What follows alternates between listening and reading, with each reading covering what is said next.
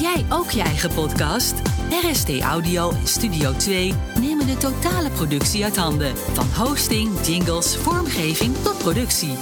Ga naar rstaudio.nl en publiceer volgende week al je eerste podcast. Deze podcast is mede mogelijk gemaakt door RST Audio en Studio 2. Even iets anders. Dit is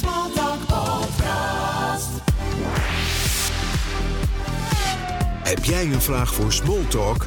Mail naar podcast@smalltalkradio.nl. In de auto, bus of trein, Smalltalk de podcast. Even iets anders. Geen geklets, maar gesprek. Proef de sfeer, telkens weer. Welkom bij een nieuwe editie van Smalltalk. Smalltalk.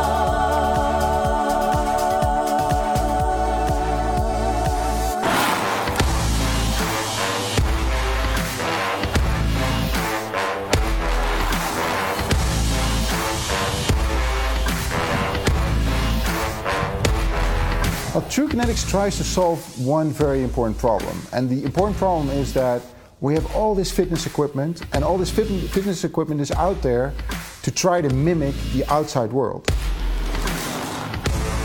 Like on a spinning bike, you have a flywheel that is supposed to mimic the weight of the rider and the bike. In reality, it's a factor 20 to 10 times too light. So the idea of True Kinetics is to forget about all the weights and just take very powerful motors and have them mimic the forces that you feel in real life. dacht ik op een gegeven moment, hoe ga ik 450 kilo naar zolder krijgen? De eerste gerobotiseerde fietstrainer ter wereld. Eh, dat is de propositie van de TrueBike van True Kinetics. W- wat is het voor een apparaat en wat maakt hem zo uniek? Nou, de TrueBike is een, eh, een indoor eh, fiets. Het is eigenlijk een soort kruising tussen een, eh, een spinfiets die je uit de sportschool kent. Ja. En een smart trainer waar veel fanatieke fietsers eh, op trainen, waar je je eigen racefiets op klikt. Wat doet deze dan anders? Van die Wat deze anders doet, is dat wij helemaal geen vliegwiel hebben. Wij hebben een robot gebouwd, een hele krachtige motor en heel veel hele slimme elektronica. Die ervoor zorgt, die motor zorgt ervoor dat eigenlijk die pedalen een soort super nauwkeurig gestuurde lift worden. Die gewoon heel nauwkeurig die trapper naar beneden laten bewegen. Zoals die ook op de weg naar beneden zou eh, bewegen. Onder invloed van jouw trapkracht of je bergop of bergaf rijdt. Mijn laatste triathlon was gericht om eh, weer te kwalificeren voor dat wereldkampioenschap. Dat heb ik op acht minuten gemist. En toen moest ik weer binnen gaan trainen. Ik had altijd een maand tot twee maanden nodig om weer een beetje fatsoenlijk binnen te gaan fietsen. Dat mijn vermogens binnen weer overeenkwamen of in de buurt kwamen van wat ik buiten deed. Een nieuwe editie van Smalltalk, de podcast. En vandaag hebben we het over eh, sport, materiaal, talentontwikkeling. En dat doe ik met Bas van Rens. Goedemorgen Bas. Goedemorgen. Ja, waar ga ik bij jou beginnen? Ja, we kennen elkaar al lang. We kennen elkaar al een tijdje. Eh, Ga maar eerst maar eens vertellen wie is Bas van Rens. Waar ben je, eh, hoe, hoe, eh, hoe sta jij in de sport? Waar ben je begonnen? Daar, dat is toch wel, ook wel een bijzonder verhaal, denk ik. Ja, nou, ik ben Bas van Rens, ik ben eh, 49 en sport is altijd wel een heel erg belangrijk onderdeel van mijn leven geweest. Ehm, dat begon eigenlijk al toen ik nog eh, thuis woonde. Mijn vader was ook eh, heel eh, erg sportief. En ik had altijd, toen ik aan het puberen was, ik was echt een verschrikkelijke puber. Een heel lastige relatie met hem, want hij was ook een verschrikkelijke vader in die tijd, vond ik. En ehm, eh, eigenlijk bracht sport ons altijd bij elkaar. Dus wij, hoe moeilijk wij ook met elkaar omgingen, wij bleven gewoon samen sporten. Dat was echt wel heel grappig. Wielrennen, hardlopen. Ehm, in mijn jeugd heb ik heel veel eh, eh, atletiek gedaan, eh, tienkamp. Ook een jaar in Amerika gezeten als tienkamper. Daar als 17-jarig jochie met de ambitie om naar de Olympische Spelen te gaan. Mezelf helemaal naar de knoten getraind. Twee maanden Overtraind? Door, overtraind. Twee maanden doorgetraind met een gebroken middenvoetsbeentje. Mezelf helemaal plat geslikt van de pijnstillers. Op, op aanraden van de coaches daar. En toen ik dus eindelijk, eh, er eindelijk foto's werden gemaakt en vastgesteld werd dat mijn middenvoetsbeentje gebroken was, toen, was het ook, toen moest ik bij de hoofdcoach komen van het atletiekteam. En die zei: Ja, je kan niet meer meetrainen. Ik zei: Ja, maar wacht even, een middenvoetsbeentje vier weken. Als we dat een beetje ondersteunen met medicijnen. Zei Nee, ja, maar jij gaat deze, dit jaar ga jij geen eh, wedstrijden meer voor mij winnen. Dus ik ga geen tijd meer in jou steken. Kom volgend jaar maar terug. En dat was echt een enorm wijze les. Dat in Nederland zijn we super gericht op... als je maar de moeite doet, dan moet je daarvoor beloond worden. En in Amerika maakt het echt geen bal uit hoeveel moeite je ervoor doet. Het gaat gewoon om het resultaat. En uh, daar heb ik een hele hoop van geleerd. Want uiteindelijk is dat het natuurlijk ook. Het gaat om het resultaat. Niemand krijgt op de Olympische Spelen, die natuurlijk net afgerond zijn, een medaille omdat ze zo hard getraind hebben. Ze krijgen een medaille omdat ze winnen. En ja, we weten met z'n allen dat als je wil winnen, moet je ontzettend veel trainen. Mijn probleem was, ik wilde er heel hard voor werken. Maar ik heb altijd heel veel meer ambitie gehad dan dat ik aanleg had. Dus ik kon altijd vrij snel tot de top 1, 2 procent eh, van, uh, van uh, de wereld komen. En daarna was het gewoon klaar. En je moet in de top 1 promiel van de wereld komen... wil je naar WK's en naar uh, Olympische Spelen gaan. En daar was ik gewoon niet goed genoeg voor. En wat was, um, als je gaat kijken naar waar jij getraind hebt... het verschil tussen Nederland en Amerika, de trainingswijze... zit daar... Oh joh, dag en nacht. Dag en nacht. Want heb je in Amerika op een college getraind? Nee, met op een college coach? Op een universiteit. Dus dat was, uh, dus dat was uh, NCAA. Uh, mensen die dat wat zegt, dat was divisie 1 universiteit. Ja, wij kwamen daar aan en ik vond mezelf een hele pief... omdat ik vier keer per week trainde als teamkamper in Nederland. En we kwamen daar aan en het begon gewoon... en we trainden elke dag van twee uur s middags tot zeven uur s avonds. Het was gewoon een uur sprinttraining, een uur springtra werptraining... een uur springtraining... Uh, en dan twee uur krachttraining. En dan was het zeven uur s avonds. En dan werd je verteld wat je moest gaan eten. Dat was toen al, hè? dan praten we nu over uh, uh, 1990. Um, diëtisten erbij, fysiotherapeuten erbij. nou, gewoon.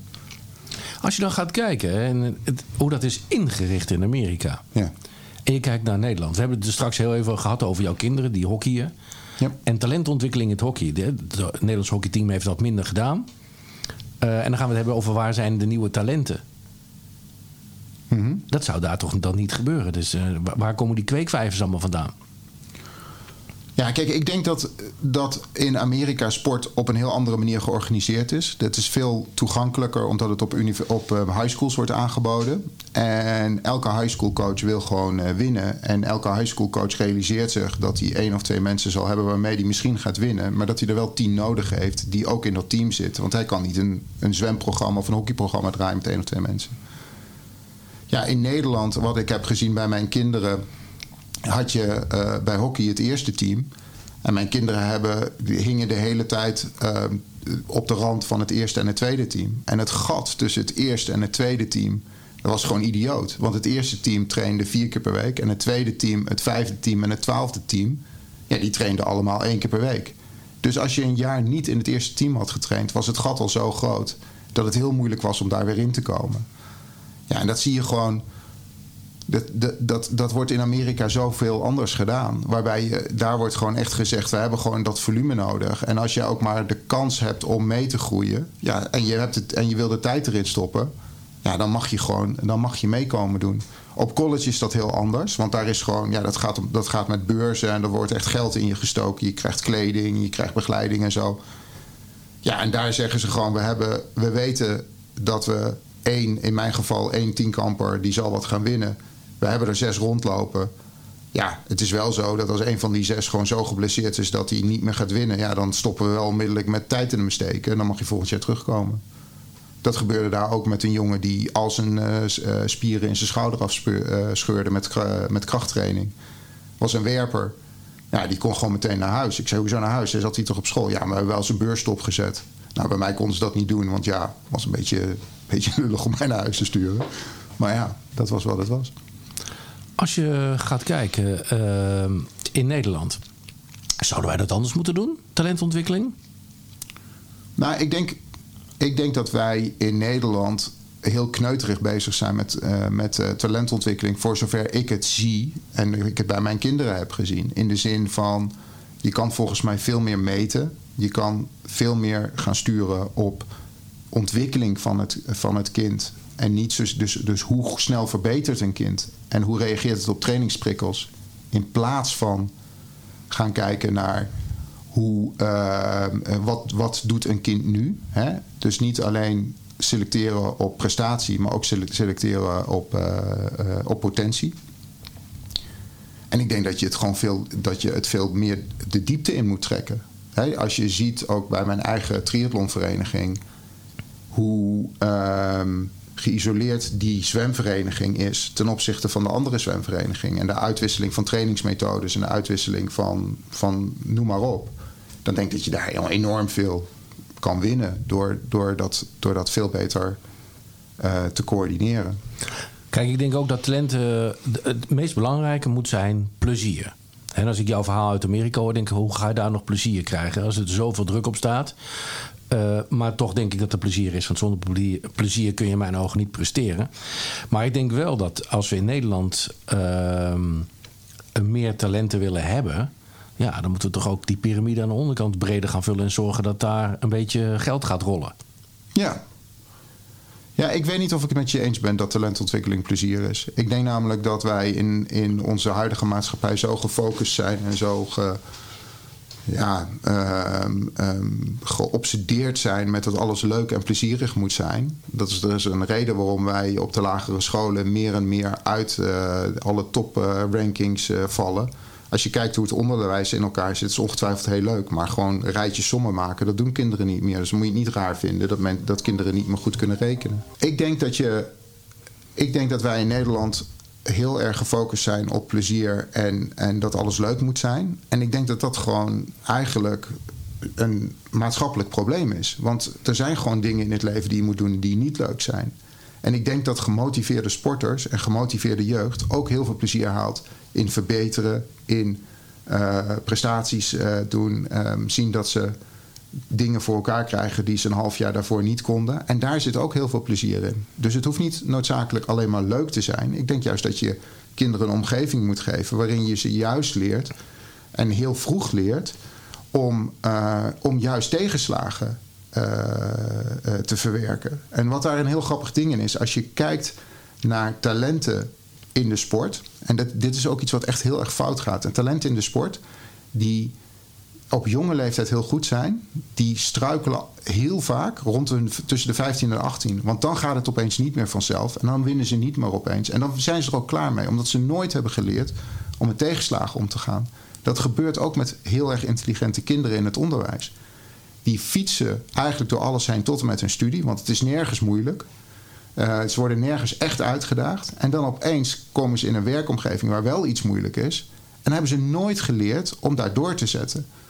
Dus wat wij met onze kinderen hebben gedaan, die heel makkelijk leerden, die hebben wij juist in de sport heel erg uitgedaagd. Die hebben wij heel erg gechallenged in de bergen.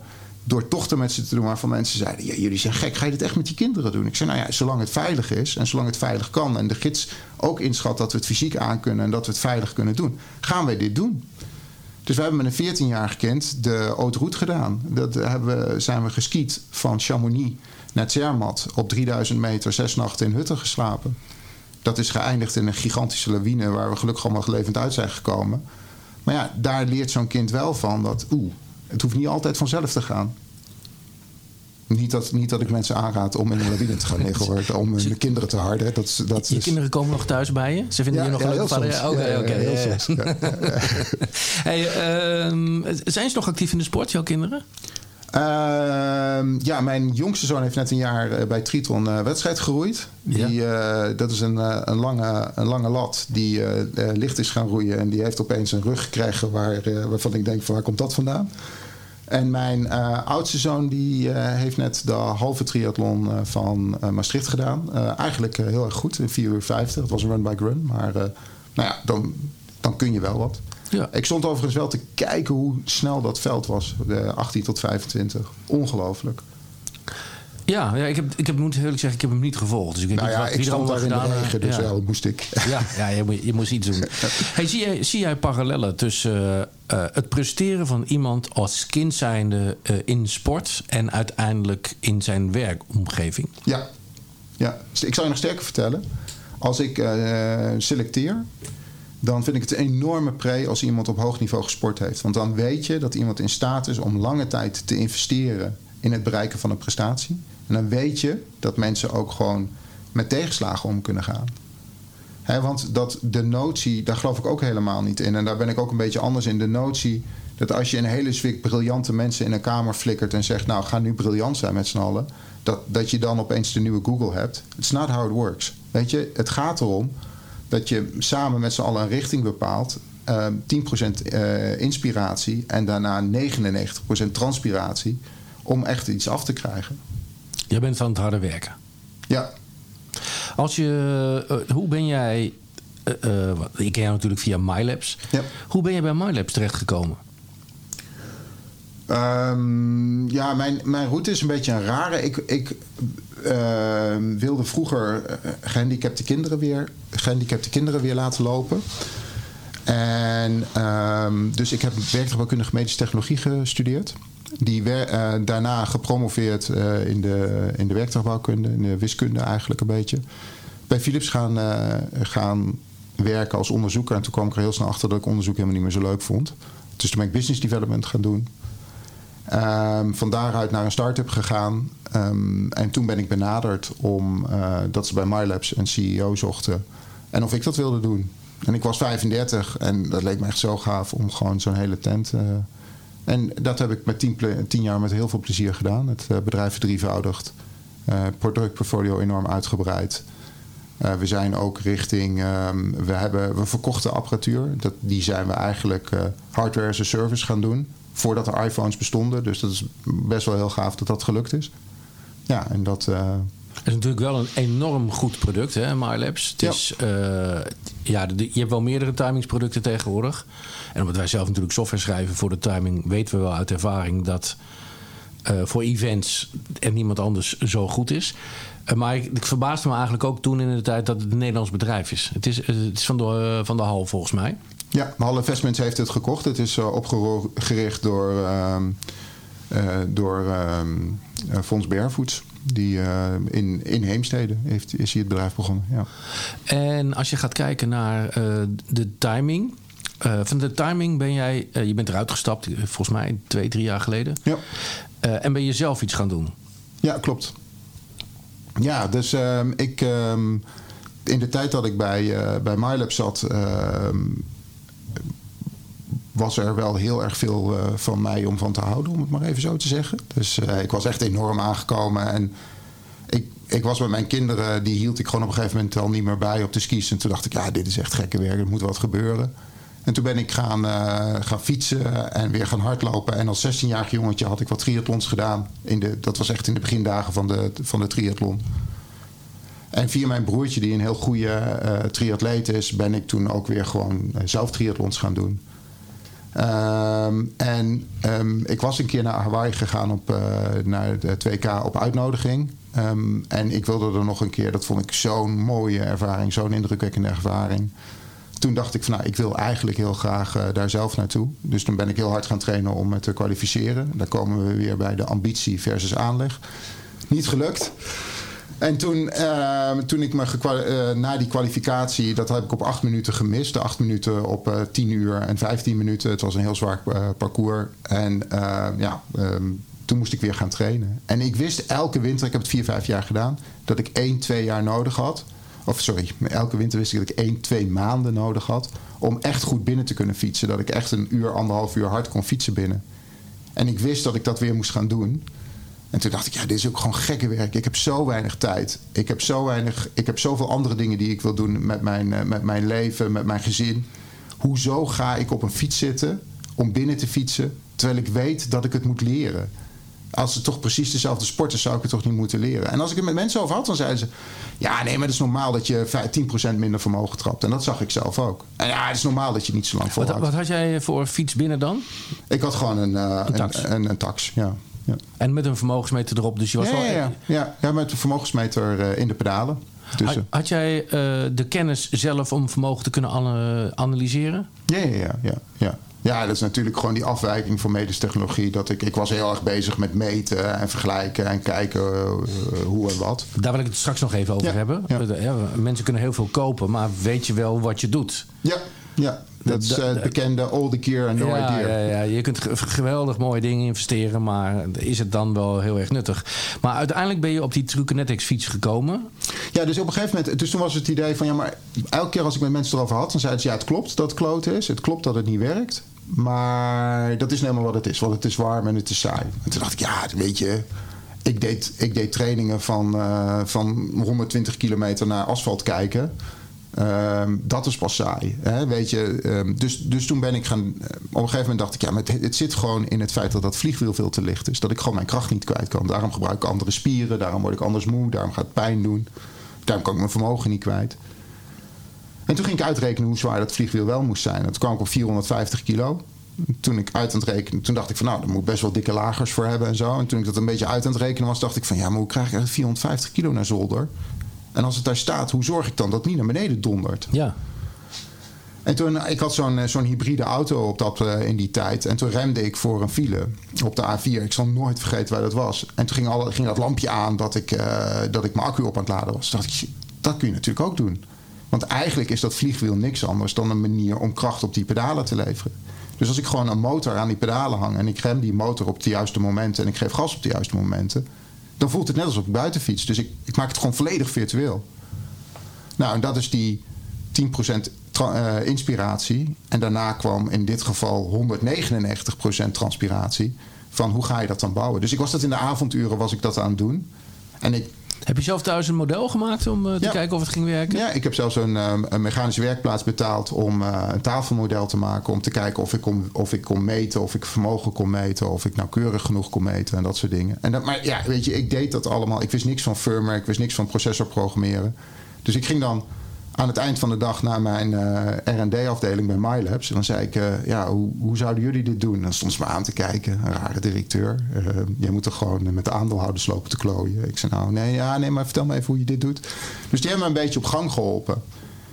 En in de avonturen en in de weekenden was ik non-stop hiermee bezig. Omdat ik het zo graag gewoon op wilde lossen. En als ik met mensen, want ik was het voor mezelf aan het doen. En toen zeiden mensen van, ja, maar als je dat kan, dan hoef ik niet meer zoveel buiten te fietsen. Dat zou super zijn.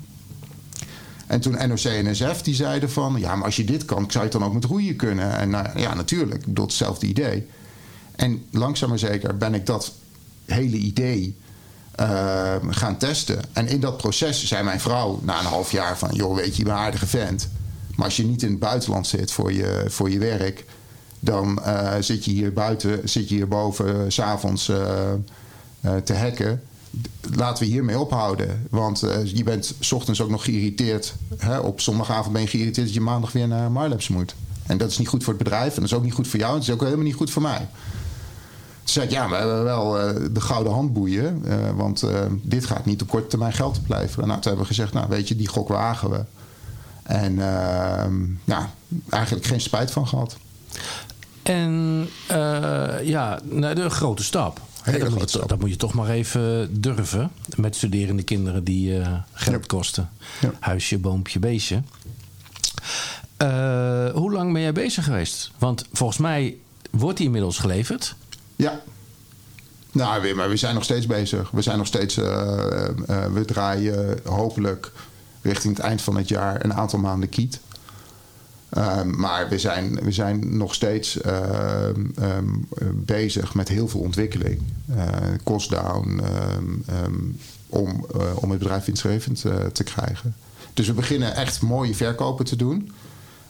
we beginnen ook echt volume te krijgen. Wat, wat heel gaaf is, is dat wij in juli evenveel fietsen hebben verkocht. In de maand juli, in midden in de zomer, evenveel fietsen hebben gekocht als in heel 2020. Dus dat is super gaaf. Maar ja, weet je, uh, um, we zijn nog steeds aan het opstarten.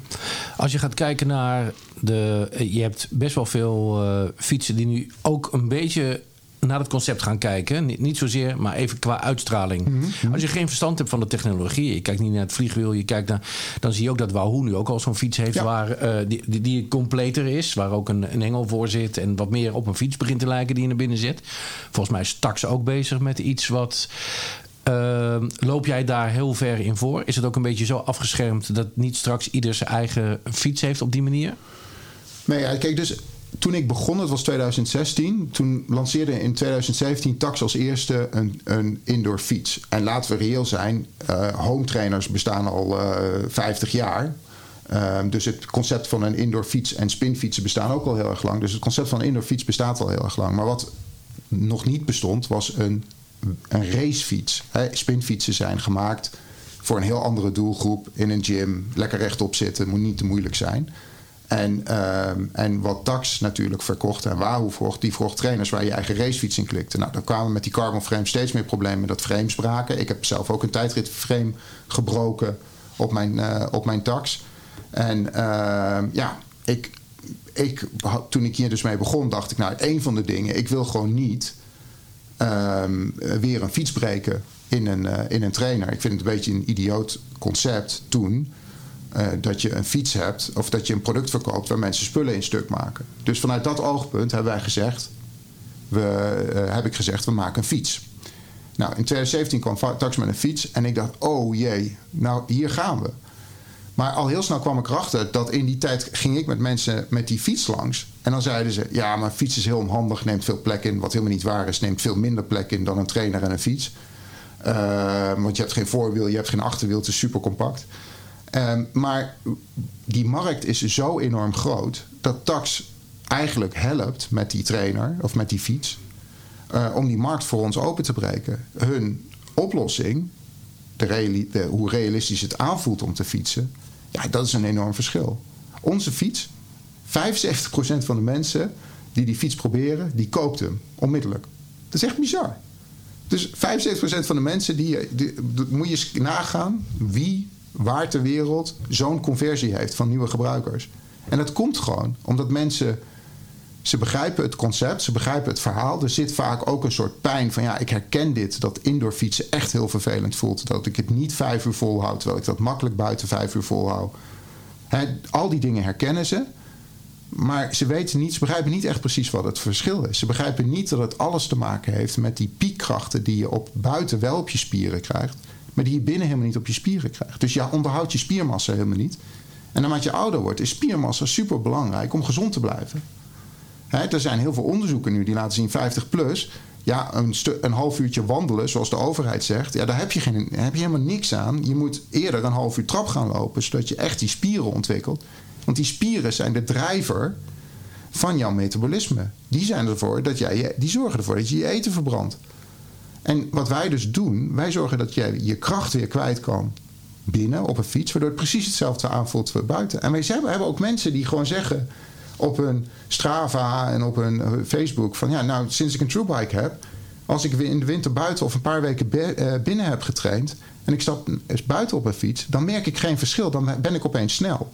En er zijn heel veel mensen die in de winter binnen fietsen om fit te blijven, dan naar buiten gaan en gewoon een maand nodig hebben om weer ook die conditie die ze wel hebben opgebouwd, om te zetten in kracht op die fiets buiten. En dat was mijn probleem ook.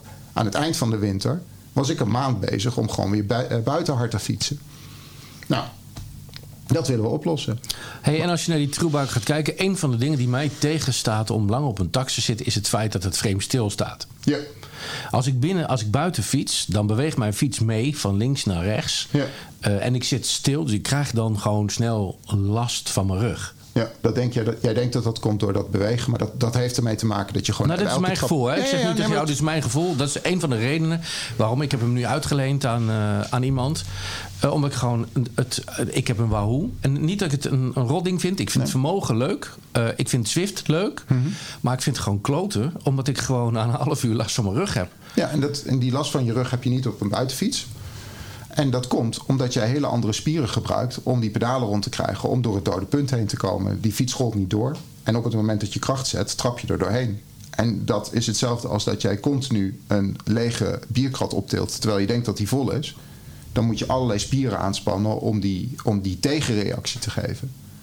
Um, He, wat ik ook wel eens heb uitgelegd vanuit mijn eigen atletiek achtergrond. Als ik een hele winter ga kogelstoten met een tennisbal. Als ik hem zwart spuit, lijkt het heel wat. Maar ik denk niet dat ik er heel veel beter van ga kogelstoten op, uh, als het seizoen weer begint.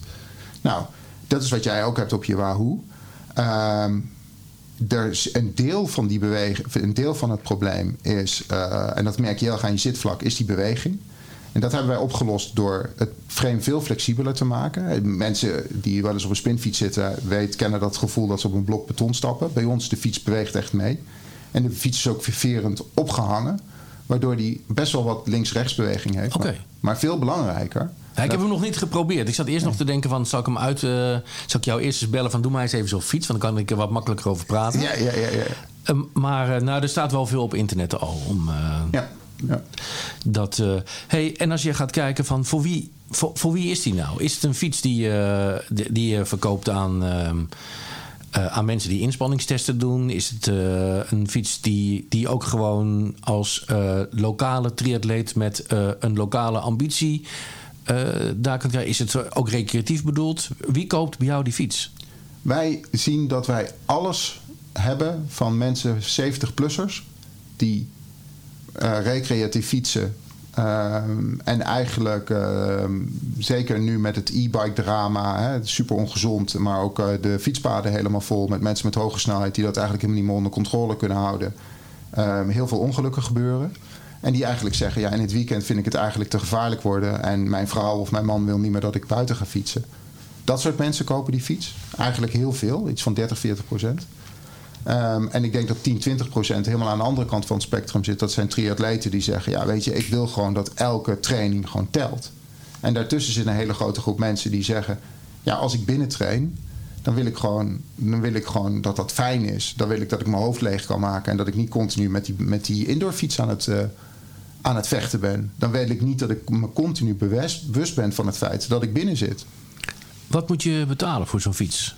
Uh, 3500 euro. Hoeveel? 3425 euro. Oké, okay, en uh, als je gaat kijken in de markt? Uh... Ja, dus een Wahoo fiets is ook rond de 3500 euro. Een tax is 2800 euro. ja, bij ons krijg je een heel andere beleving. Um, heel andere technologie. Is jullie fiets ook compatible met die uh, externe applicaties uh, om bijvoorbeeld uh, met video's mee te fietsen, ja, absoluut, Swift. Ja. ja. Dat is allemaal ook geen. Ja, nee, maar dit is, dit is die 199% transpiratie. Want ik was, weet je, ik ben denk ik twee jaar bezig geweest voordat je echt op een fiets kon zitten. En dat je kracht kon zetten zonder dat de brand uitbrak. Ik heb echt zo ontzettend veel brand gehad in mijn studeerkamer en later in ons eerste kantoor. Mooie mooie um, um, vloerbedekking en zo erin. En toen, uh, toen uh, legden wij onder die fiets legden wij van die uh, plastic platen. En dat zag die huisbaas. Die zei: Waarom doen jullie dat eigenlijk? Dat is gewoon, dat, vind, je, vind je vloerbedekking niet mooi? Ik zei: Nou, nee, de vloerbedekking vinden we prima mooi. Maar dit is gewoon beter als we schroefjes kwijtraken. Maar de realiteit was dat we gewoon heel vaak gewoon fik hadden. Omdat die elektronica. Kijk, je moet je voorstellen, hè, ehm, als jij fietst en je levert 300 watt. Als jij wegfietst bij een stoplicht, dan lever je heel makkelijk 6, 7, 800 watt. Dat realiseren mensen zich niet, maar je levert echt makkelijk. Maar dat is allemaal piekvermogen. Maar in zo'n fiets, in de elektronica van zo'n fiets, moet je wel dus even 800 watt vermogen ergens kwijt kunnen. Nou ja, dat was echt ontzettend moeilijk. Dus het idee was, ik koop gewoon elektronica in en dan ga ik wat software schrijven en dan zijn we klaar. Nou, we hebben de hele software, de hele elektronica stack zelf moeten ontwikkelen uh, met alle problemen van dien. Um, waardoor het ook, wat jij net vroeg, ja, kan niet iedereen dit zo kopiëren? Nou ja, we wensen ze veel succes, want we zijn er heel hard mee bezig geweest. Maar daarom heeft het twee jaar geduurd voordat wij een fiets hadden waar je echt op kon zitten en echt op kon fietsen. En toen ik daar voor het eerst op zat, dacht ik: Jezus, dit is gaaf, dit is gaaf. En toen kwamen de eerste klanten en die begonnen om allemaal van die hygiënefactoren te vragen: van ja, maar ja. Um, kan ik, dan mijn, kan ik dan mijn gegevens wel op internet zien? Oh ja, eigenlijk niet aan gedacht. Maar kan het wel met Swift werken? Swift, wat is Swift? Oh, oh, oh filmpjes. Oh ja, wil je dat? Ja, ja, dat wil ik. En, toen, en al die hygiënefactoren die hebben zoveel tijd gekost om dat uh, te maken. Niet, en, maar ja, je realiseert je naarmate. Je, je bent in het begin ben je zo gefocust om het hoofdprobleem op te lossen. Dat je daarna, hè, kom je boven water, is het opgelost. Dan realiseer je, oh maar wacht even, er moet nog best wel wat omheen opgelost worden. Maar dat hebben we nu allemaal opgelost. Hebben jullie nog, uh, want als je naar jouw bedrijf kijkt nu, ik zag dat jullie ook wel een aardig team hadden. Ja. Uh, deels uh, hardwarekundigen, dus die echt met printplaat bezig zijn. Hoe groot is je softwareteam? Ons softwareteam is nu een man of 6, 7. En die zijn deels met de app bezig, deels met firmware en deels met software. Er draait ook een hele softwarecomponent op de fiets. En, uh, en de server. Want uh, daar wil ik het straks wel even over hebben. Waar, waar, waar we naartoe gaan met die fiets. Hè? Dus ik, ik, hoor ook aan jouw verhaal dat die nog lang niet klaar is. Dus ik ben benieuwd wat daar nog voor stappen in zitten.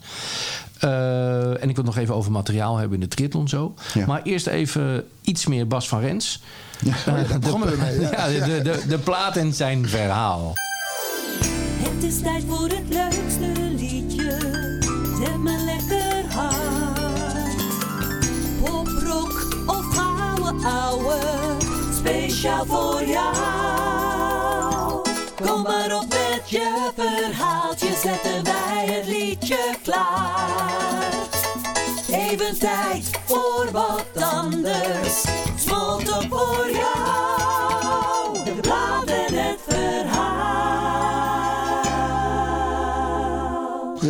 Eh, ik ben eh, eigenlijk benieuwd. Eh, jouw eerste plaat, Six Feet Under van Lucas Rens.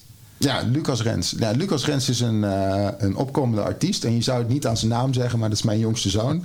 Want Lucas Je hebt Rens is een artiestennaam. het, het van eraf gehaald. Dat heeft hij gedaan, ja. Ja, ja. Als artiestennaam.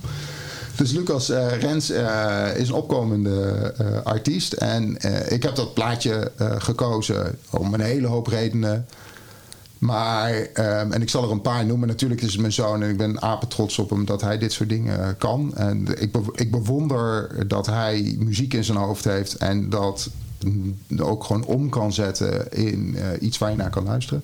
Dit nummer heeft hij zelf geschreven, zelf ge- gearrangeerd, dus alle, eh, alle stemmen en alle instrumenten geschreven. En hij heeft ook alle instrumenten gespeeld. En hij heeft dit gedaan in de eerste maand van de lock-up bij ons op zolder. Hij zat op het conservatorium in Londen moest terug. Met de laatste trein is hij eh, nog Londen uitgevlucht. Eh, wat wij achteraf eh, een heel spannende periode vonden. Want wij zagen hem al in zijn eentje ergens in een lockdown in Londen eh, drie, vier maanden zitten. Eh, toen kwam hij bij ons op zolder en ehm, hij was zo bezig met de muziek dat hij ehm, met ehm, hij was hyperproductief in die tijd. En eh, ja, hij heeft dit nummer dus helemaal geschreven in een, in een week samen met eh, de producer van dit nummer, Manuel. Uh, maar hij heeft alles gezongen, hij heeft alles, uh, alle instrumenten gespeeld en de producer heeft het afgemixt. En de producer heeft hem geholpen om het ook live te zetten. Die zei: Nee, maar dit is wel echt goed genoeg. Dit is echt een gaaf nummer, we gaan dit doen. En, en hij heeft nou uh, met de remixes erbij iets van 700.000, 800.000 uh, listens al op dit nummer op Spotify. Wat, waarvan ik ook denk: van, hoe gaaf is dat als je dat kan? Uh, maar wat ook heel gaaf is, wat ik ook heel knap vind aan waarom ik dit nummer ook gekozen heb, is ik weet wat voor nummers hij nog meer allemaal heeft gemaakt. En jij zei net al, volgens mij komt er nog veel meer met die True Bike. En die analogie is bij ons ook. Die True Bike is echt nog maar het begin. Dat is het topje van de ijsberg. En bij Lucas Rens, ja, denk ik ook echt dat er gewoon nog heel veel. En weet ik dat er heel veel gave dingen op de plank liggen. En als hij ze gewoon gaat releasen, dan, uh, dan zou dat best wel eens heel indrukwekkend kunnen worden. Internationaal, want ik hoor je al Lucas ja, op zijn ja, Amerikaans ja, uitspreken. We, gaan naar, we gaan naar luisteren. I'm six feet under, but I breathe just fine.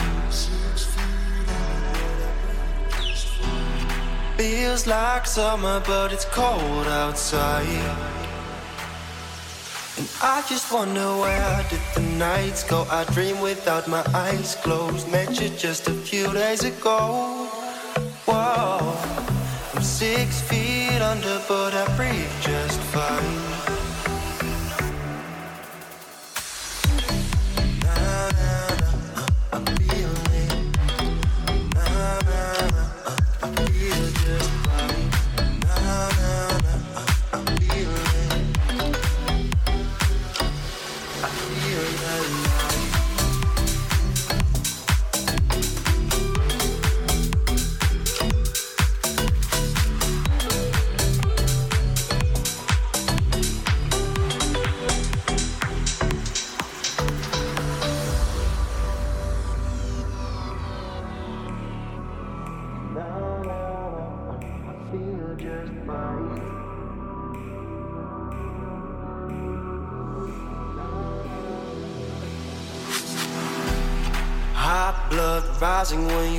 Touch my skin.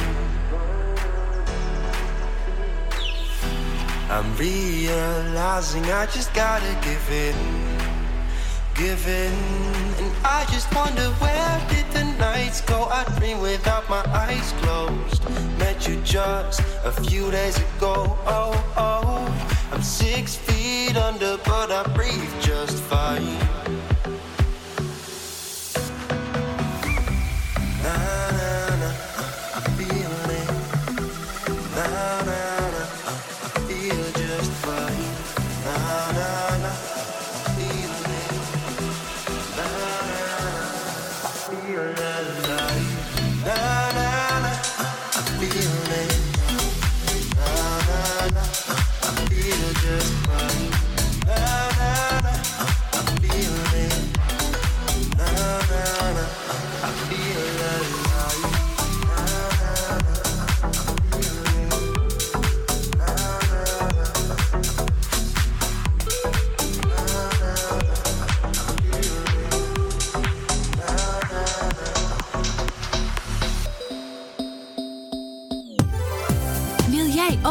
Podcast? RST Audio en Studio 2 nemen de totale productie uit handen. Van hosting, jingles, vormgeving tot productie. Ga naar rstaudio.nl en publiceer volgende week al je eerste podcast. Zo, en dan nu even tijd voor een kopje thee. Ah, lekker. Even bijkomen. Mijn oren staan te klapperen. We gaan zo weer verder.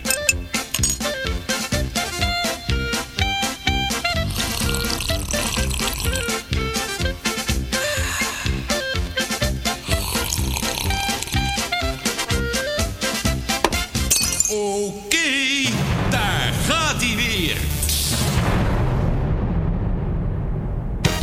Of je nou van sport, innovatie, humor of nieuws houdt, Smalltalk. Even iets anders. Dit is Smalltalk Podcast. En de tweede op jouw lijstje. Remember the Name van Fort Minor. Ja, dit, dit, dit nummer heeft twee eh, betekenissen. Toen ik met triathlon begon, moest ik eh, leren zwemmen. Ik heb mezelf ooit eh, als ja, 13-jarige borstkraal geleerd. En ehm, ja, dat is nooit heel, heel goed geworden. En ik ben bij een zwemvereniging gegaan. Maar ik zat ook heel veel op, op internet te zoeken. En toen kwam ik een filmpje tegen van Ian Thorpe. Ehm, ehm, waarin eh, hij allerlei oefeningen deed, zoals kicks. En echt idioot hoe snel die vent gaat, gewoon met alleen zijn voeten. En, en zijn haaltechnieken werd geanalyseerd. En daar, daaronder stond dit nummer, Remember the Name. En het is een heel gaaf en heel toepasselijk nummer, omdat atleten en ik denk ook heel veel ondernemers, op het moment dat ze bezig zijn, eigenlijk helemaal niet bezig zijn met wat voor fame het is en wat voor een, ehm, ehm, ehm, wat ze ermee gaan bereiken. Maar dat ze gewoon, ze willen gewoon zelf beter worden. En dat, sprak, dat spreekt mij ook heel erg aan. En dat is ook heel erg de drijfveer van, van True Kinetics. Als je het beter kan maken, dan moet je dat doen. Als je een beter idee hebt, dan moet je, het, dan moet je dat doen. En ehm, je weet gewoon dat als je gewoon, if you put in the work, hè, als je door de pijn gaat, en dat is ook bij zo'n, bij zo'n triathlon, dan, dan komen de resultaten vanzelf. En die spreken ook voor, ze, eh, voor, eh, voor zichzelf. En dat, daar, daar gaat dit nummer heel erg over. Van eh, ehm, 50% pain. Ja, ja, ja, het klopt inderdaad. Mo- mooi nummer. Ik, ik heb hem eerder gehoord, deze plaat, bij... eh, Oh ja? bij, ja, ja, ja. Ja, maar er zijn sowieso, als je artiesten gaat uitzoeken... en de platen die daarbij horen... en die ze draaien op hun hoofd op het moment dat er een wedstrijd is... dan kom je de leukste, Ja. de leukste verhalen tegen. We gaan er naar luisteren. Remember the Name van Fort Minor.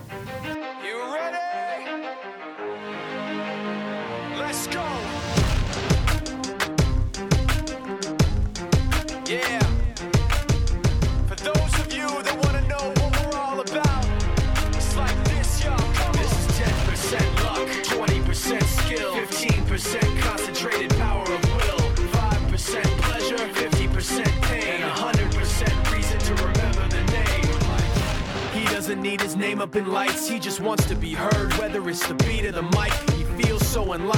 everybody else, alone, in spite of the fact that some people still think that they know him, but fuck him, he knows the code. It's not about the salary, it's all about reality and making some noise, making a story, making sure his click stays up. That means when he puts it down, Tox picking it up. Let's go. Who the hell is he anyway? He never really talks much, never concerned with status, but still leaving him starstruck. Humble through opportunities given despite the fact that many misjudge him because he makes a living from writing raps. Put it together himself, got a picture connects, never asking for someone's help or to get some respect. He's only focused on what he wrote, his will is beyond reach, and now it all unfolds, the skill of an artist. This is 20% skill, 80% fear, be 100% clear, cause Ryu was ill. Who would have thought he'd be the one that set the West in flames? And I heard him wreck it with the crystal method, name of the game. Came back, dropped Megadeth, took him to church. I like Bleach, man. Why you had the stupidest verse, this dude is the truth. Now everybody giving them guest spots and stocks through the roof. I heard he fucking with that This is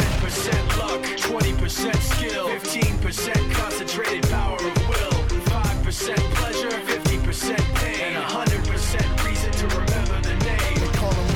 sick and he's spitting fire and Mike got him out the dryer. He's hot. Found him in Fort Minor with top, but a fucking nihilist porcupine. He's a prick, he's a cop. The type women wanna be within rappers, hope he gets shot. Eight years in the making, patiently waiting to blow. Now the record with notice taking over the globe. He's got a partner in crime. This shit is equally dope. You won't believe the kind of shit that comes out of this kid's throat. Top. He's not your everyday on the block. He knows how to work with what he's got, making his way to the top. He often gets a comment on his name. Keep asking him, was it Giving that birth or does it stand for an act? acronym? No, he's living proof. Let him rock in the booth. He'll get you buzzing quicker than a shot of vodka with juice. Juice. Him and his crew are known around as one of the best. Dedicated to what they do and give 100%. Forget Mike. Nobody really knows how or why he works so hard. It seems like he's never got time because he writes every note and he writes every line. And I've seen him at work when that light goes on in his mind. It's like a design is written in his head every time before he even touches a key or speaks in a rhyme. And those motherfuckers he runs with the kids that he signed, ridiculous without even trying. How do they do it? This is 10% luck, 20% skill, 15% concentrated power of will, 5% pleasure, 50% pain, and 100% reason to remember the name. This is 10% luck, 20% skill, 15%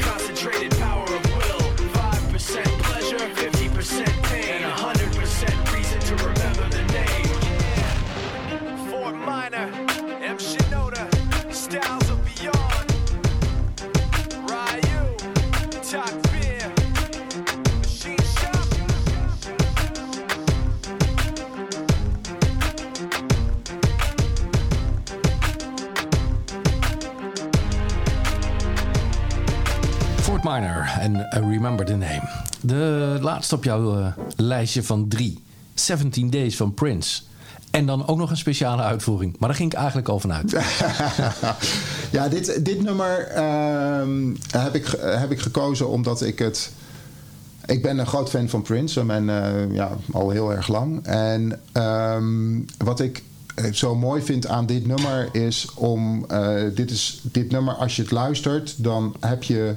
De eerste keer dat je het luistert niet door dat dit alleen maar Prince is. Met één piano. En die speelt hij zelf. En ik vind het zo knap dat hij zoveel geluid uit die piano krijgt. Zoveel eh, muzieklijnen uit die piano krijgt.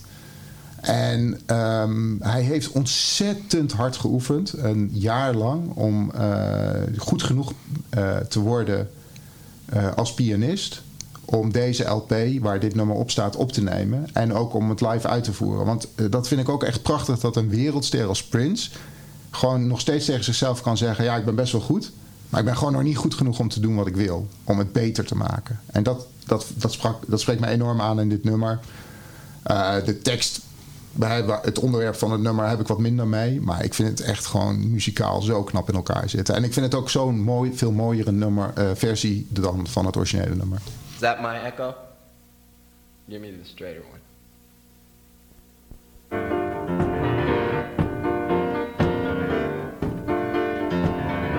You turn the lights down some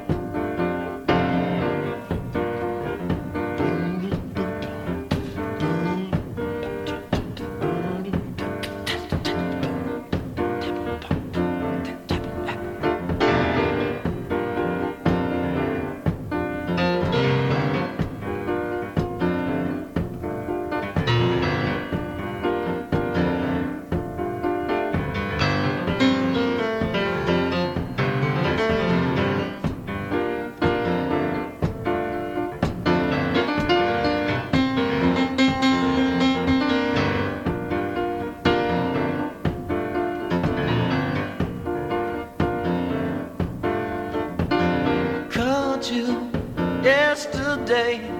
You answer your phone. Main track is knowing that your problem weren't alone. Turn the voice down a little. Wanna call you every day, beg you to be near me. I know your head is 17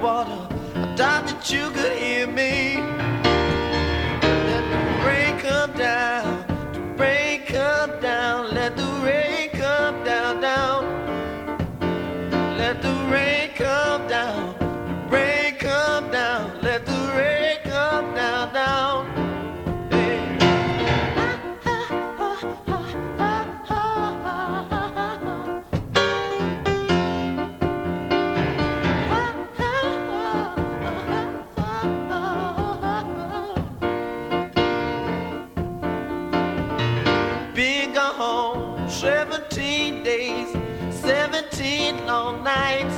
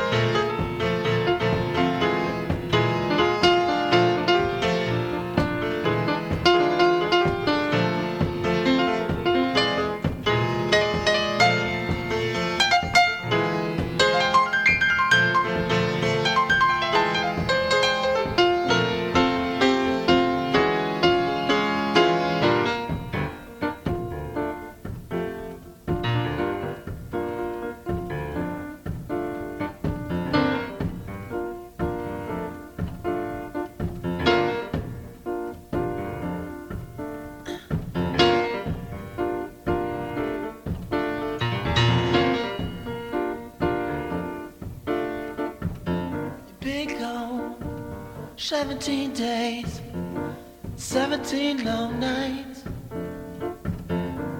Oh, it's a drag, babe. I know. Holding another nigga tight. I wanna call you every day, beg you to be near me. I know it's underwater, doubt that you can hear me. Let the rain come down. Come on down. Let the rain come down, down. Oh, oh, oh, Come on down, yeah. Come on down, yeah. Baby, no. Yeah.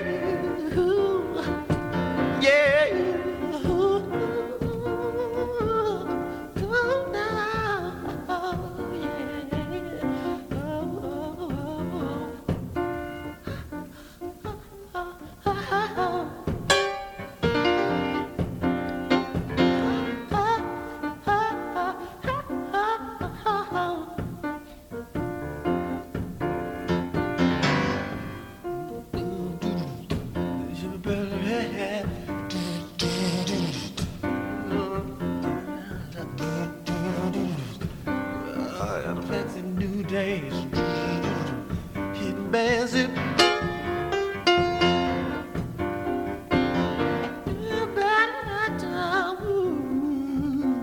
Yeah.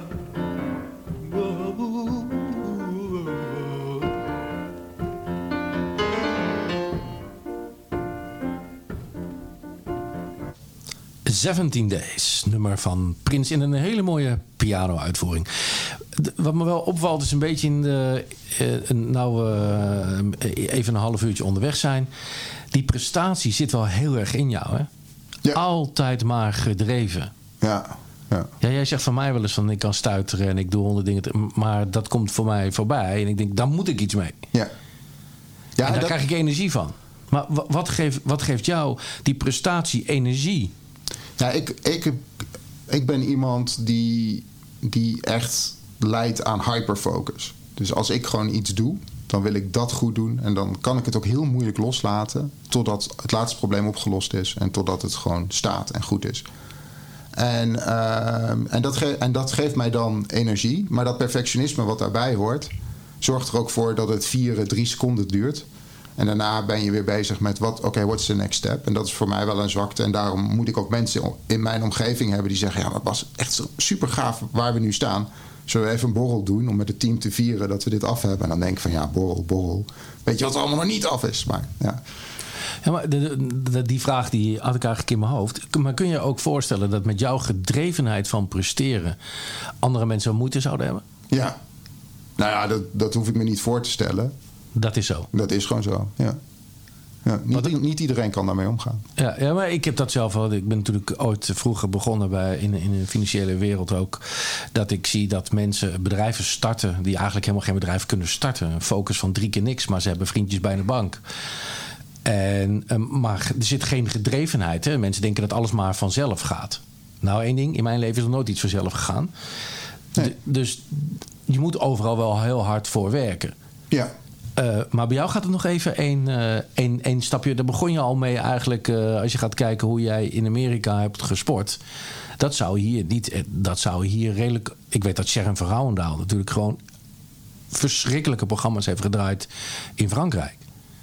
Maar uiteindelijk houdt niemand dat vol om op zo'n manier te blijven sporten. Wat altijd iedere minuut van de dag maar.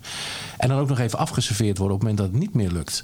Maar doe je, doe je dat zakelijk ook zo? Serveer jij jezelf ook af als je denkt van dit heb ik zo slecht gedaan? Eh, ja. ja. Dus je bent ook heel hard voor jezelf. Ja. En, ehm, en ehm, dat zou je niet zeggen als je mij tegenkomt. Maar ik ben ook heel. eh, ik vraag me ook continu af of we het wel goed doen. Of ik het wel goed doe. Daar ben ik gewoon heel veel mee bezig. Van ja, shit, ik ben nu dit aan het doen, maar zou ik niet dat moeten doen? Ehm, Dus je kijkt hier eh, veel in de spiegel. Ja. Als je Not dan, too happy. Als je dan gaat kijken naar, eh, naar de True Bike. Ja. Kun je denken van, nou, nu is die klaar. Nu is, hè, ik ontwikkel software samen met Robert Slippers. Robert eh, die heeft op een gegeven moment ergens een streep getrokken. Nu ophouden met, met te wijd worden. We moeten nu één ding goed doen. Dat had ik nodig. Ja. Eh, waardoor we veel meer een focus hebben gelegd van... oké, die software gaat voor coaches zijn. Wat willen coaches? Hoe moeten ze ermee werken? Eh, wij hebben hier de term moet Peter-proef zijn. Dat wil zeggen dat een gemiddelde... eh, iemand die niks van computer snapt... er ook mee moet kunnen werken. Ehm, echter heb je dan naast natuurlijk... als je met software werkt, altijd de wetenschap. En die wil zoveel mogelijk weten. Eh, dus daar moet ook iets in bedacht worden. Maar dan is het wel heel lastig om iets af en compleet te maken. In hoeverre is de True Bike af? Nou, de, de True Bike is, is af en compleet binnen de functionaliteiten die we nu hebben. Maar omdat je daarmee werkt en omdat het robotica is, waardoor je begint te zien van wow, maar als dit, maar weet je, er kan zoveel meer met robotica. Eh, dan, dan met een, gewoon een stalen vliegwiel uit de jaren tachtig. Als je daarover na begint te denken, dan, dan zie je zoveel mogelijkheden. En dan is het wel heel belangrijk dat je met je team een streep trekt en zegt: Oké, maar voor de komende release is dit het. En dat is ook wel heel fijn van die TrueBike. Het is gewoon alleen maar software. Het is grappig als je die TrueBike ziet en je haalt hem uit elkaar. Ja, er zitten drie printplakaten in en die zijn allemaal programmeerbaar. En uiteindelijk zit een motor in. En, en dat is ook heel erg de designfilosofie van de, van de TrueBike. Want die hele unit waarmee wij de kracht leveren op je pedalen via een ketting. Ja, die ketting, daar kunnen we ook een hendel aan maken. En daar kunnen we een roeiapparaat van maken. Dan zeggen mensen, oh ja, wanneer doe je dat dan? Nou, eerst moet die TrueBike echt gewoon op de markt staan. En dat is die hyperfocus. En dat vinden vooral commerciële mensen soms heel vervelend. Van ja, maar we kunnen ook nog dit en dit. Ja, klopt. Is er al vraag ook vanuit andere sporten? Je, je, noemde al even het roeien. Eh, ja, zeker. Ja, er is vraag, maar ehm, wij lopen er ook niet mee te koop. Want ja, weet je, wat, eh, wat, schiet, wat schiet je ermee op? Je maakt alleen je concurrentie wij- eh, wat wijzer. Dus ehm, als mensen ernaar vragen of als mensen zeggen van wat, wat kan er nog meer, dan zeggen we nou, je kan er ook mee roeien, je kan er ook mee hardlopen. Kijk, hardlopen met lopende band is natuurlijk ook een drama. Hè, dat gejank van die lopende band, eh, iedereen kent het, die wel eens op een lopende band staat. eh, dan hoor je de hele tijd die band vertragen en versnellen. Ja, dat is helemaal niet wat er in het echt gebeurt. Die aarde die staat echt eh, muurvast hoor, als je daarop landt. Dus daar zijn. nou ja, dan is eigenlijk de volgende vraag van mij: waar denk jij dat je staat over vijf jaar? Ik hoop dat wij over vijf jaar wereldwijd aanwezig zijn met meerdere fietsproducten. De hele fietswereld is best veranderd. Ik heb net uitgelegd, ja, we zijn begonnen met die True Bike. Tegenwoordig kunnen heel veel frames wel tegen de inspanning in een trainer. Ehm, dus daar, eh, en, en wij vinden het best vervelend dat er veel, veel klanten zijn die zeggen: Wow, wat gaaf, wat zou ik dit graag gebruiken, maar ik kan het niet betalen. Het is het zeker waard, maar ik kan het gewoon niet betalen. En dan denken wij van ja, man, die mensen moeten we ook helpen. Dus er moet een goedkoper product komen. Op termijn. En we is, is, dat, is dat te doen met al die technologie die erin zit? Heeft het ook een beetje te maken met het feit dat als jij straks, pak een beetje, eh, nee, ik doe maar even een getal, hè, eh, 100.000 fietsen hebt verkocht, dat je goedkoper kunt produceren? Ja, ja, ja. ja, ja. Want produceer jij in Nederland of in het we buitenland? proberen. eh, we, we hebben componenten. Eh, wij, wij doen eigenlijk heel weinig zelf in productie. Nou ja, mijn productieteam zal zeggen: je bent gillend gek. We doen ontzettend veel zelf, veel te veel zelf. Maar we zijn heel erg bezig om componenten in te kopen en eigenlijk alleen maar zelf de software te doen. Ehm, zover zijn we nog niet. Maar ja, wat je ziet bij eh, disruptive innovation, hè, verstorende innovatie, innovatie waar je het helemaal op een andere manier doet. Je moet heel veel vanaf het begin eh, gaan, eh, gaan ontwikkelen. En wij, wij kopen bijvoorbeeld ons staal in in Nederland. En het is in Nederland best wel heel lastig om te innoveren. Want elke leverancier die zegt tegen je... ja, dat is prima, maar... ehm, eh, en ik wil graag met jou een langdurige relatie aan. Maar ehm, ik, ga, ik ga niet degene zijn die, ehm, die het risico voor jou loopt. Dus eh, het is allemaal prima, maar je betaalt gewoon de hoofdprijs. En wat er daardoor gebeurt, is dat je heel snel genoodzaakt bent om naar andere leveranciers op andere plaatsen te gaan zoeken. om je kostprijs naar beneden te halen. Kun je in eh, het geval van de True Bike of eh, innovatie in Nederland. in- wij, hebben met, wij doen niet meer aan eh, subsidies en zo. Mhm. We hebben op een gegeven moment gezegd: we moeten zoveel doen terug voor de sport om, ehm, eh, om subsidies te krijgen op ontwikkeling. Dat eh, ja, het, het, levert het niet op. Maken jullie veel gebruik van subsidies? Ja, we maken best veel gebruik van subsidies. Maar dat is wel die emotie die jij hebt. eh, die, die, ja, die hebben we wel. Als innovatief bedrijf, Nederland is gewoon waanzinnig slecht voor innovatieve bedrijven. eh, vanuit de overheid.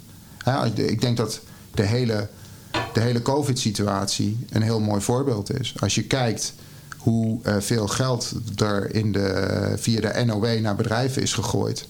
Wij hebben, geen, wij hebben maar heel beperkt gebruik kunnen maken van de NOW. Want wij waren een bedrijf met groeiende omzet. Onze omzet groeide helemaal niet hard genoeg en helemaal niet volgens plan. Maar onze omzet groeide wel, dus heb je geen recht op NOW. Nou, dan was er een piepklein fondsje, echt piepklein. eh, voor, eh, waar je geen gift kon krijgen. NOW was een gift, dat was gewoon een tegemoetkoming op je loonkosten. Maar dat was een piepklein fondsje voor innovatieve bedrijven. Hè? En de, Den Haag liep zich op de borst te slaan. Kijk eens wat wij voor innovatieve bedrijven doen. Dan moest je door 400 hoepels springen. Je wil niet weten hoeveel, hoeveel tijd wij daarin hebben gestoken. Hebben we uiteindelijk niet gekregen. En wat dat fondsje was, was geen gift. Nee, nee, nee, nee. Het was een lening die je terug moest betalen. En die moest gegarandeerd worden door allerlei andere bedrijven. Dus ja, weet je, in Nederland innovatie. Als je belt met, eh, eh, eh, met Den Haag en zegt: jongens, door COVID, we hebben best wel problemen. Hoe kunnen jullie helpen? Ja, ze hebben heel veel telefoonnummers. Maar hulp is er gewoon niet of nauwelijks. Denk je dat eh, als je gaat kijken naar eh, innovatie in de sport. Hè, we hebben het ook even gehad Ja. over talentontwikkeling. Ik ben van mening dat, eh, dat er veel te weinig geld in omgaat. Hè, want alle trainers die zorgen voor, voor talenten in, in de wedstrijdsport. Ik blijf daar een beetje op hameren. Je hebt de breedte sport. Dat zijn mensen die kopen een brilletje, die kopen een racefiets. Maar die gaan echt geen dure fiets kopen. Die gaan echt. Dat, dat oh, je wel tegenwoordig wel hoor. Ja, daar komen we zo nog op. Maar laat zo zeggen, die, die recreëren echt met iets, maar investeren niet. Eh, gaan ook zeker niet naar zichzelf kijken hoe kan ik me iedere keer verbeteren. Die doen het echt voor de lol. En daar staat plezier helemaal bovenaan. Dan heb je een stukje wedstrijdsport. En dat zijn allemaal mensen die zich iedere keer beter proberen te maken. Die willen de beste van Maarsen worden. Die willen de beste van Utrecht worden. Die willen eh, meedoen aan een NK. eh, en of het nou NK Masters is en daarna een, iets Europees doen of wat ook. Maar ze willen zich continu verbeteren. Dat zijn wedstrijdsporters. Dat zijn ook mensen die investeren. Dat zijn ook mensen die jouw fiets kopen. Eh, maar als je daar met talenten, dan praat ik over de jeugd, wil gaan werken, vind ik dat daar. Ja, dat zijn mensen. eh, eh, ik kom uit het zwem. Nou, ik kan de trainers oproepen hoor. Die gewoon zes, zeven dagen in de week, s ochtends vroeg beginnen en smiddags weer. En dat doen naast hun baan zonder een vergoeding. Ja, de standaard vrijwilligersbijdrage die er is. Nou, als je dan jouw verhaal hoort hoe het in Amerika gaat, wat iedereen weet natuurlijk, daar heb je een school. En die man die krijgt gewoon, nou ja, niet een ton, maar binnen goede colleges wel. Het zijn gewoon allemaal betaalde banen. Ja. Maar toch krijgen wij in Nederland alle talent boven water drijven. Daarom gaat het ook goed, hè? Wij rekenen af in medailles. Dus er komen altijd wel mensen boven drijven. Nederland is een goed sportland. In hoeverre denk jij dat we daar meer funding, dat dat ook gaat werken? En dat meer funding ook bijvoorbeeld een vereniging. eh, nee, ik kan me niet voorstellen dat er een fietsvereniging is in Nederland. die zo goed is dat ze zeggen: Nou, Bas, kom jij maar even langs. En zet eh, in deze onze krachtruimte maar even zes van die fietsen neer. Nee, die, die zijn er niet. Nee. Bij de Triathlonbond heb je daar zes fietsen staan of zo voor het eh, Nederlands team. Nee. Nee, zijn ze ook niet, zijn ze ook, eh, niet eh, in geïnteresseerd. Maar ik denk dat de- de waarden, dus de waarden die uit zo'n fiets komen. Ik hou van getalletjes. Ik ben ook een coach die met getallen, anders ga ik geen software ontwikkelen. Ja. Ik denk dat dat waarde heeft. Ik ben ook heel benieuwd wat er. Ik wil dat niet nu doen, want ik denk dat de gemiddelde luisteraar hier van die podcast niet geïnteresseerd is. eh, ja, niet geïnteresseerd is in, in wattages en eh, hoe je daarmee moet werken. Maar je moet daar wel een beetje kunde van hebben. Ik denk zeker in talentontwikkeling voor een gemiddelde coach heel belangrijk is dat je met getallen aan de gang gaat en meten en eh, dat periodiek doet. Waardoor je kunt meten of mensen beter worden of niet. Ja, nee, eens. eens. Maar dus, Hoe, dus ik hoe ik moet ben dat gebeuren? Wat is jouw idee daarbij? Bedoel, het is een hele lastige. Hè? Kijk, als het makkelijk zou zijn, dan zouden we Wat dat... zou jij doen als jij eh, eh, de portefeuille sport krijgt? Nou, kijk, wat ik zou doen is, ik denk. Hè, Ma- Maurits Hendricks heeft eh, best wel veel de af, de, door de jaren heen over zich heen gekregen. Maar wat hij fantastisch heeft gedaan, is hij heeft keuzes gemaakt. Hè? En dat, dat, dat is, kiezen is verliezen. Dus er zijn een hele hoop mensen slecht, slechter van geworden. Maar hij heeft er wel voor gekozen om, een, om, een, om, op bepaalde plekken te zorgen dat er ondersteuning is. En ik denk dat, dat ik zou willen begrijpen hoe hoe je ehm, de basis breder maakt om die doorstroming goed te krijgen. En, en ik, weet, ik weet gewoon echt niet wat daar, de, wat daar de oplossingen zijn. Ik weet niet of, daar, of het, dat daar de beperking geld is of iets anders. Het kan ook zijn dat er gewoon dat je bepaalde competities moet organiseren die breder zijn, waardoor er meer kinderen ook bij deel kunnen nemen. En wat ik wel weet, is dat sport in onze maatschappij gewoon super belangrijk is. Dus los van die wedstrijdsporter is het feit dat er sport is, wordt steeds belangrijker. Omdat wij in Nederland en in de westerse wereld eigenlijk continu bezig zijn om te manieren te verzinnen zodat we niet hoeven te bewegen. Kijk, in de herfst dan harken we niet meer, maar dan hebben we een bladblazer. Ehm, nu in de zomer, we fietsen niet meer, maar we hebben een e-bike. Ehm, en we weten ook dat als jij gezonde gewrichten wil houden, als jij gezonde spieren wil houden, die moet je belasten, die moet je piek belasten. Dus hoe ga, je, hoe ga je dat in godsnaam doen? Dat kan alleen maar in de vorm van sport. Dus wij zullen in het kader van preventie, en dat is, jij vraagt wat zou je doen als je voor je sport krijgt. Ik zou ook aan de preventiekant, aan de medische kant gaan praten van jongens, hoeveel geld kunnen jullie mij geven om sport veel belangrijker te krijgen in dit land? Om zo te zorgen dat we middels preventie dit voor elkaar krijgen. En wat zonder meer waar is, is zeker in de jeugd. Hè, ik kan ook, ik, eh, eh, ik heb enorme geluk gehad met goede trainers. En eh, zeker in mijn atletiektijd. En hun enthousiasme en hun, hun, hun tijd en hun liefde voor de sport, die hebben er echt voor gezorgd dat ik het ook bleef doen. Omdat ik gewoon met plezier en met een glimlach daar naartoe ging. Ja, maar in Nederland heb jij trainers gehad die het wel even deden eh, eh, omdat hun zoontje sportte. Of, eh, sowieso zie ik dat in mijn carrière al hoeveel trainers. Ik ben doorgegaan nadat mijn kinderen gestopt zijn. Ja, maar de meeste stoppen. Maar de meeste stoppen. Ja. Dus dan is het klaar. Weer heel veel kennis weg. Ja, maar dat is een, dat is een probleem. En ehm, ja, ik denk dat daar. Ik denk dat geld niet alleen de, niet de enige oplossing is. Het is wel zo dat het zo zou moeten zijn dat mensen die goede trainers zijn en die daar ook met liefde en plezier tijd in stoppen. Dat zou fantastisch zijn als die daar ook van kunnen leven. Of in ieder geval een deel van hun dag eh, mee kunnen vullen. eh, zonder dat dat allerlei financiële problemen geeft. Maar ook daar zul je moeten kiezen en zul je moeten beoordelen en zul je moeten selecteren. Dan als laatste waar ik, eh, dat, die had ik opgeschreven eigenlijk hiervoor, maar die laten we nu maar, eh, die laat nu komen. Die vind ik wel te belangrijk. Het beste materiaal in de triathlonsport wint. Ja. ja. Is materiaal daar net als in de Formule 1 super belangrijk? Of ik, ben het, ik ben het bewijs dat dat niet zo is. Eh, ik, had natuurlijk, ik had natuurlijk meer dan genoeg geld. En eh, ehm, een van de dingen waar ik best wel van geschrokken ben... is toen ik stopte met uh, triathlons. Ehm, sinds ik Turkinetics ben begonnen... ben ik enorm aangekomen weer. En, bij- maar ik stond te kijken hoeveel geld we overhielden... omdat er niet elke keer nieuwe wielen, nieuwe wetsuits... eh, eh, de wereld overvliegen met, met twee fietsen naar wedstrijden en zo. Ehm, maar ja, ik geloofde heel erg in materiaal. Ehm, triathlon, het gave van triathlon is dat je performance kan kopen. En iedereen realiseert zich dat. En dat is ook waarom het zo'n populaire sport is bij, eh, bij rijke mensen. Gemiddelde salaris van een deelnemer van een Ironman triathlon is 150.000 dollar van een volledige, eh, van een volledige triathlon, hè, van Ironman. Gemiddelde salaris.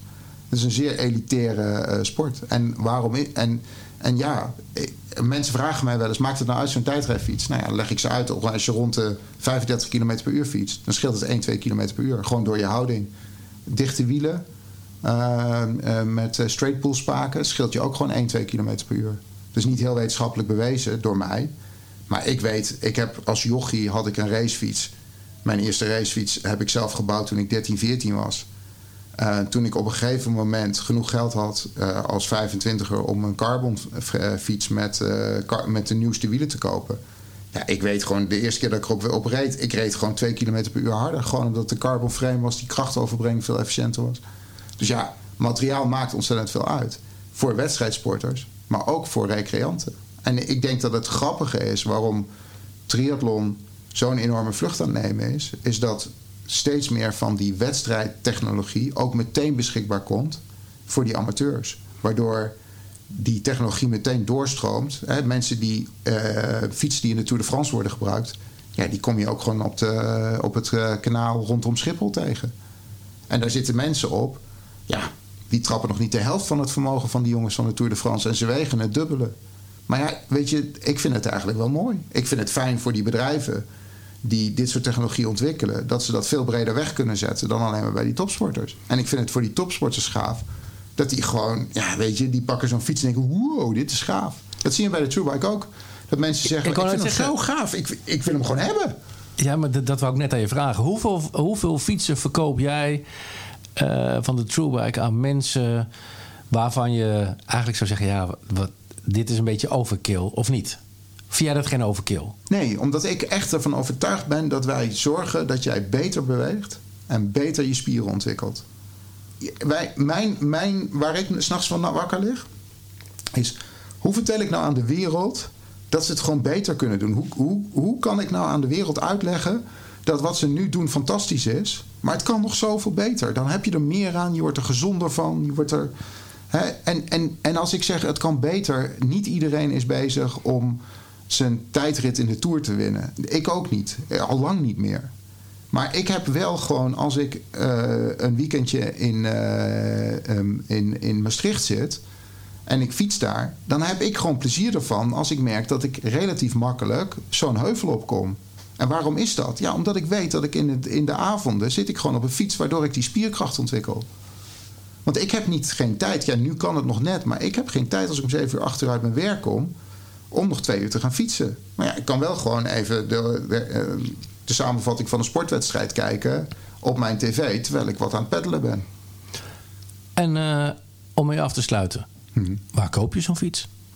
Ja, er zijn, we hebben 25 uh, retailers in, uh, in Nederland. Gewoon fietsspeciaalzaken die zich echt richten op, de, op het sportfietsen. En bij ons op de website op met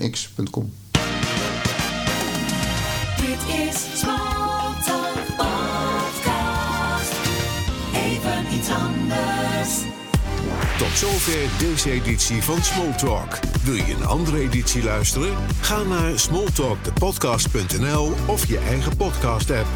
Heb jij een vraag voor Smalltalk? Mail naar podcast@smalltalkradio.nl. Geen geklets, maar gesprek, proef de sfeer, telkens weer.